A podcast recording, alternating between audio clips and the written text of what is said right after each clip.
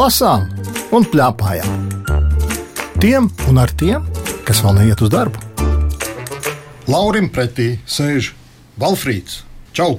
Čau! Valfrīdam 9 gadi. Jā. Un mēs jau atkal par grāmatām, par grāmatām, par grāmatām. Daudz lasu grāmatas. Nā, Nu, ne baigi īpaši nē. daudz. Ja? Nu, un saka, šīs grāmatas priekš tevis bija biezas. Mazliet, jā. Un arī nē, jo es esmu izlasījis arī mazliet biezāku. Aha, tā Jā. kā nebija šausmīgi un briesmīgi. Mm. Nē. Pirmā grāmata, par kuru mēs parunāsim, tā ir Alise Trakajā zemē.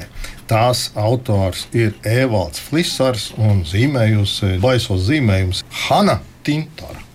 Saka, kā tev zīmējumi patika? Man zīmēji ļoti patika, tāpēc, jo viņi bija tādi melnbalti un tā ļoti atšķirīgi no normāla. Nu, vispār jau tiek krāsēts. Nu, jā, bet pārējais bija pelēks. Man šeit tie krāsainie ir baigi labi zīmējumi. Jā, Es vispirms paskatījos zīmējumus, un tā tikai ķēros lasīt. Es izlasīšu no aizmugures vāka, par ko tad ir šī grāmata. Lasot grāmatu Alise Trakajā zemē, jūs briesmīgi labi izklaidēsieties. Tā, saki, lūdzu, grāmatas ir izklaide. jā. Jā, izklaidējies lasot šo grāmatu. Jā kad ir ļoti interesanti. Nu, bet šo grāmatu jūs briesmīgi labi izklaidēsieties. Izklaidēties, ko tas nozīmē? Uh, izklaidēties ir, uh, kad uh, tu esi kaut kur, piemēram, aizbraucis, un tad tu vari izklaidēties, vai arī kaut kas foršs noticis, un tu skaties, un tad ir ļoti forši. Nu, tad jau iznāk, ka tu iebrauc tajā grāmatā, tad, kad tu lasi. Mm. -hmm. Un tad jau arī ir forši. Tas kā kaut kur tu esi aizbraucis. Jā, Te jau arī mēs esam aizbraukuši uz vienu tādu dīvainu zemi. Es izlasīšu. Jūs turklāt sāksiet raizēties par mūsu pasaules, kas tik ļoti atgādina Potterūniju likteni. Šo zemi kartē gan neatradīsiet, jo tā ir viena putekļaina sala Atlantijas okeāna vidū. Tās iemītnieki iztērējuši visus dabas resursus, izņemot mālam līdzīgo materiālu potiju, kur aug zem galvaspilsētas Pottingtonas.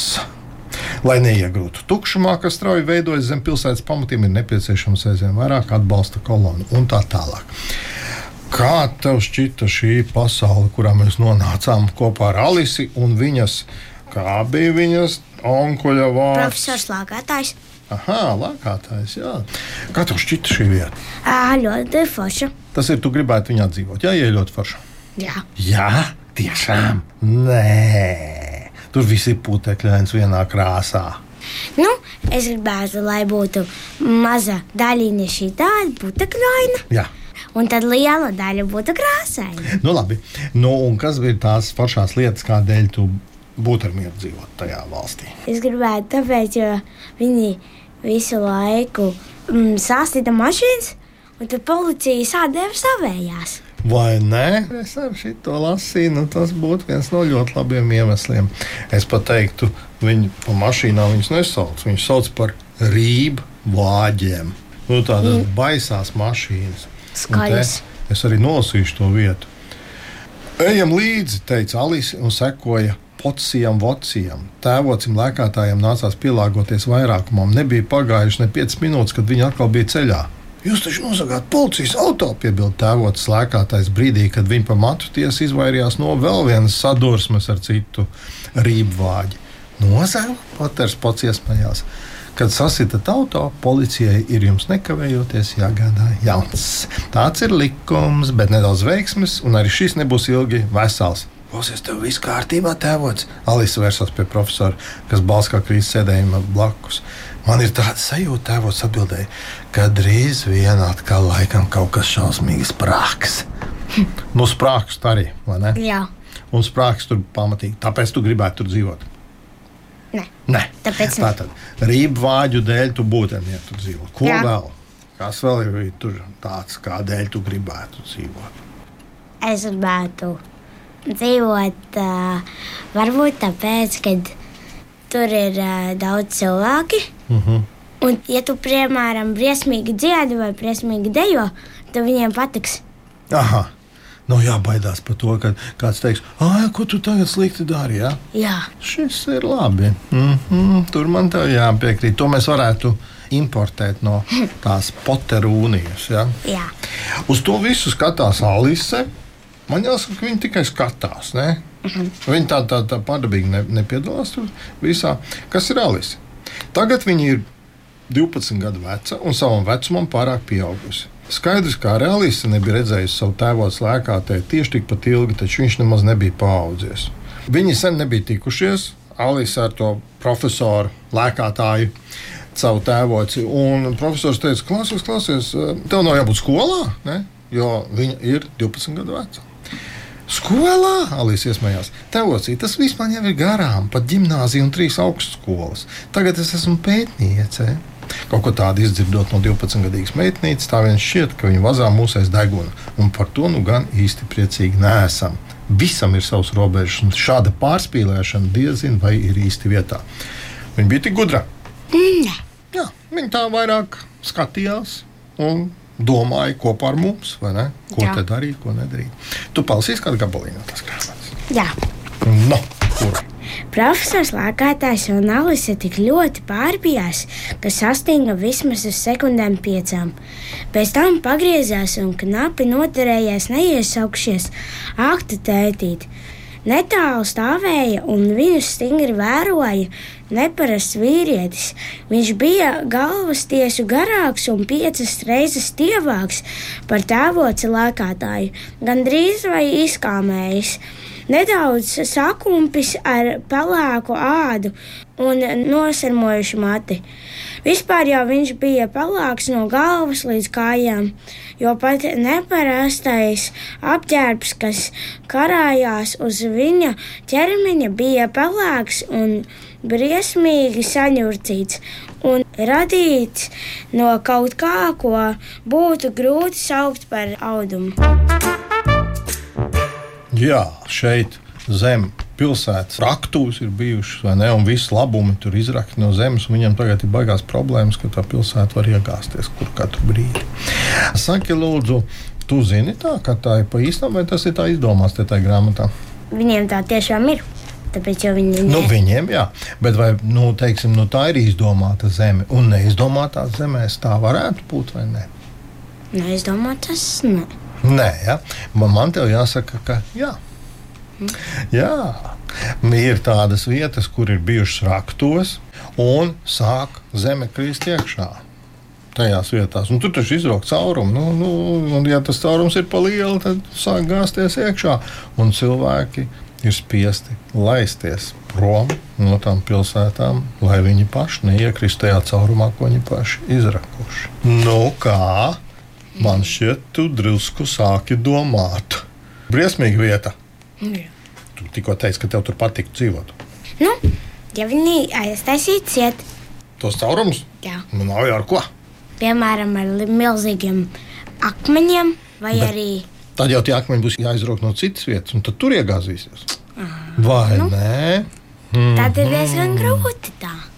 Man šķita tādā ziņā ir ļoti interesanti padomāt par to, ka pasaulē tiešām šādas vietas ir, un tas ir tas, ko cilvēks dara, ka viņš neapdomā, ka varētu arī būt zināmas nepatikšanas no tā, ko viņš dara. Nu, beig beigās, kā tu varētu nosaukt, kas tur notiek visā grāmatā? Tur ir ļoti traki cilvēki, kuri nopērk un uzreiz salauž. Viņi ir gan izdara katru dienu to pašu. Aiziet uz darbu, nopelna naudu, nopērk, atkal saplēš un atkal iet uz darbu, un tā visu laiku. Kaut kāda nedabīga dzīve, bet nu, Valfrīdam patīk tur dzīvot. Es arī brīnījos. Viņam visu laiku vajag lauskas, ko varētu aizbērt to caurumu. Un tad viņi daudz visādas lietas, lai būtu lauskas. Zinu, ko es nevarēju saprast. Jā, Un kāpēc viņi uzreiz netaisa lauskas? Nevis krūzes. Nu, tad ir ko darīt vienīgais. Nu, nevelti nosaukums ir Alise trakajā zemē. Jā, tā nav normālā zeme. Jā, neparasta grāmata katrā ziņā. Interesanti, ko tava mamma šajā grāmatā ir ieraudzījusi. Pajautāsim viņai. Oi, tā ir ļoti traka grāmata vispār. Man vajadzēja arī palīdzēt, uh, paskaidrot un kaut kā salikt vispār to notikumu secību, lai vispār tiekam līdz galam. Bet bija arī interesanti, ka mēs tur sākām par to Atlantīdu. Tas bija viens teikums, uh, bet Valfrīdam kaut kā ļoti laikam norezonēja, un tad mēs meklējām, kas ir Atlantīda, un runājām jā, par to, ka var būt arī sliktas beigas ja nemaina to savu virzienu un, un, un paradumus.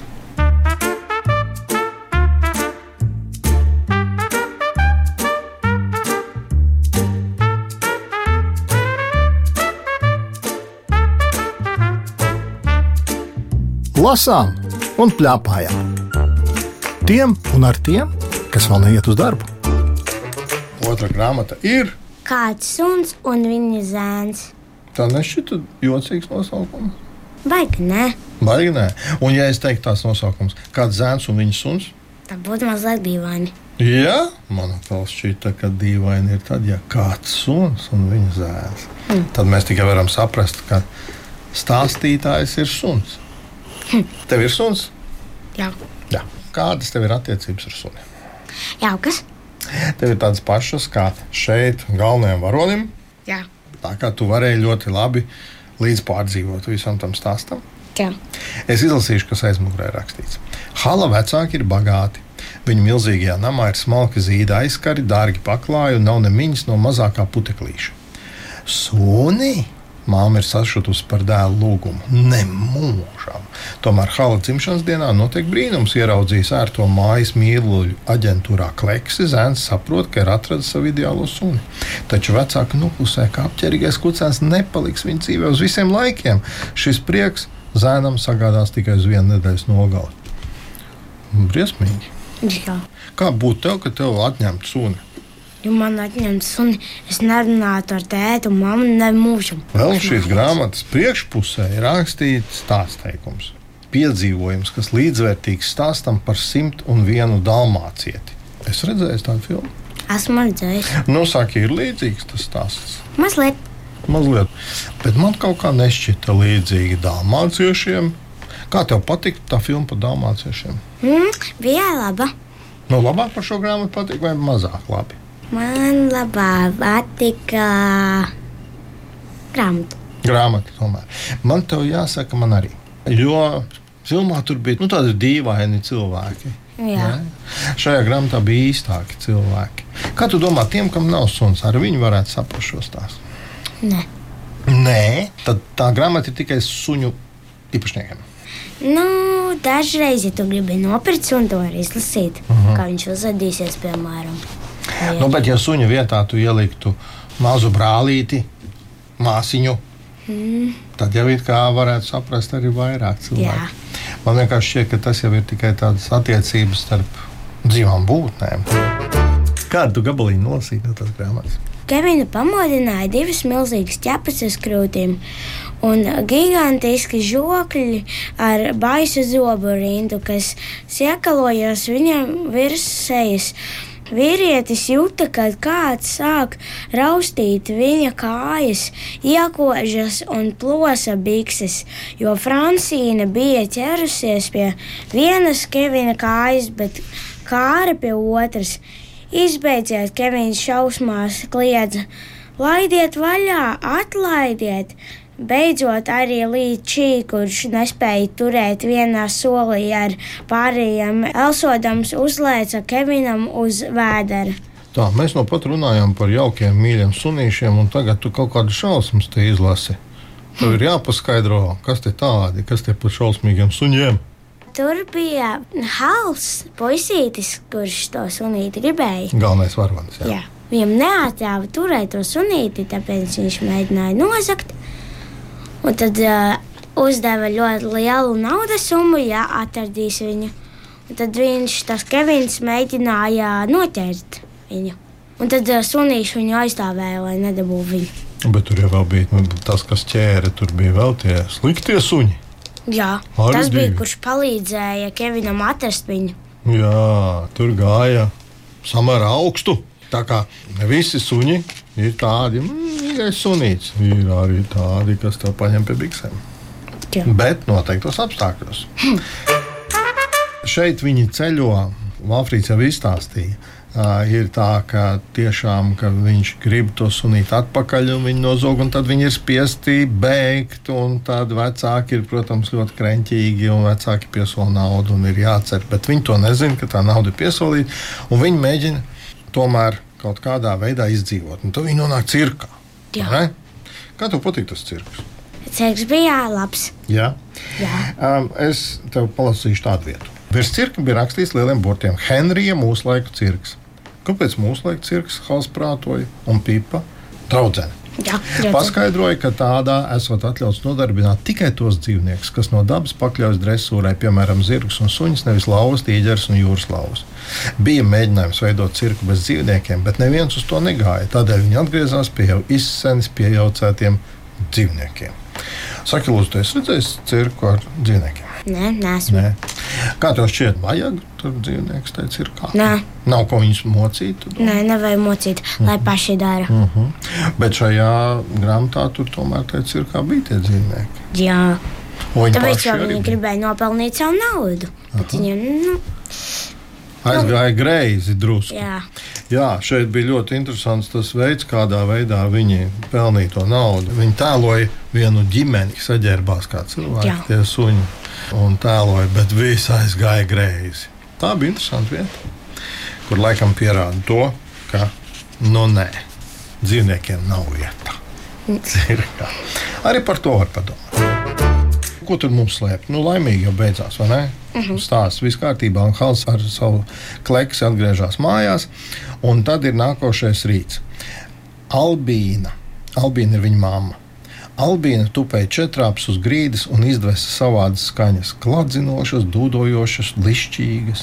Tā nebija Londonas nama paklājiem klātā grīda, bet gan namiņa raupjo dēļ segums ar vecu nomīdītu grīdas segu.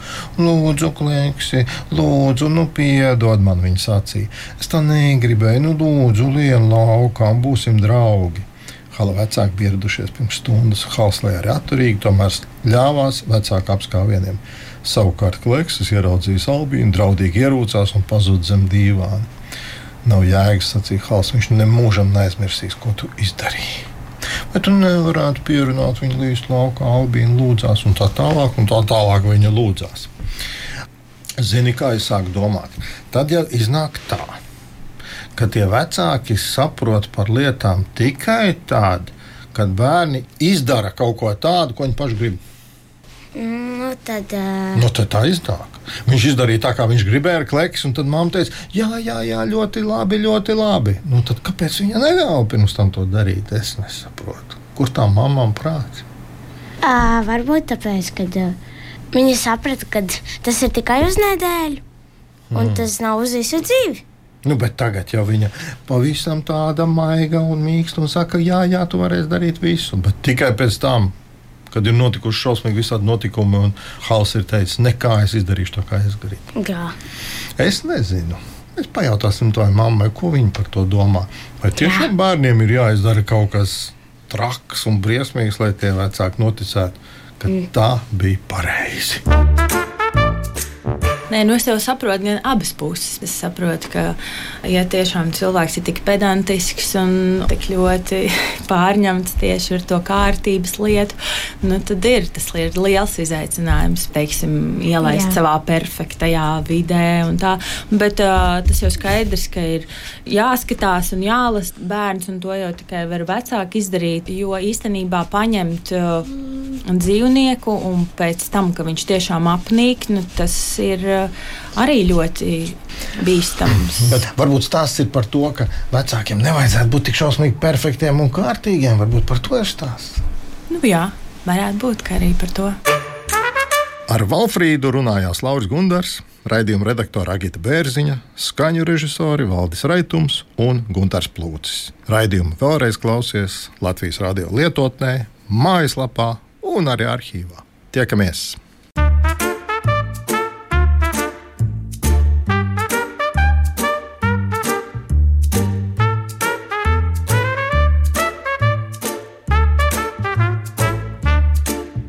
Lasām un plēpājām.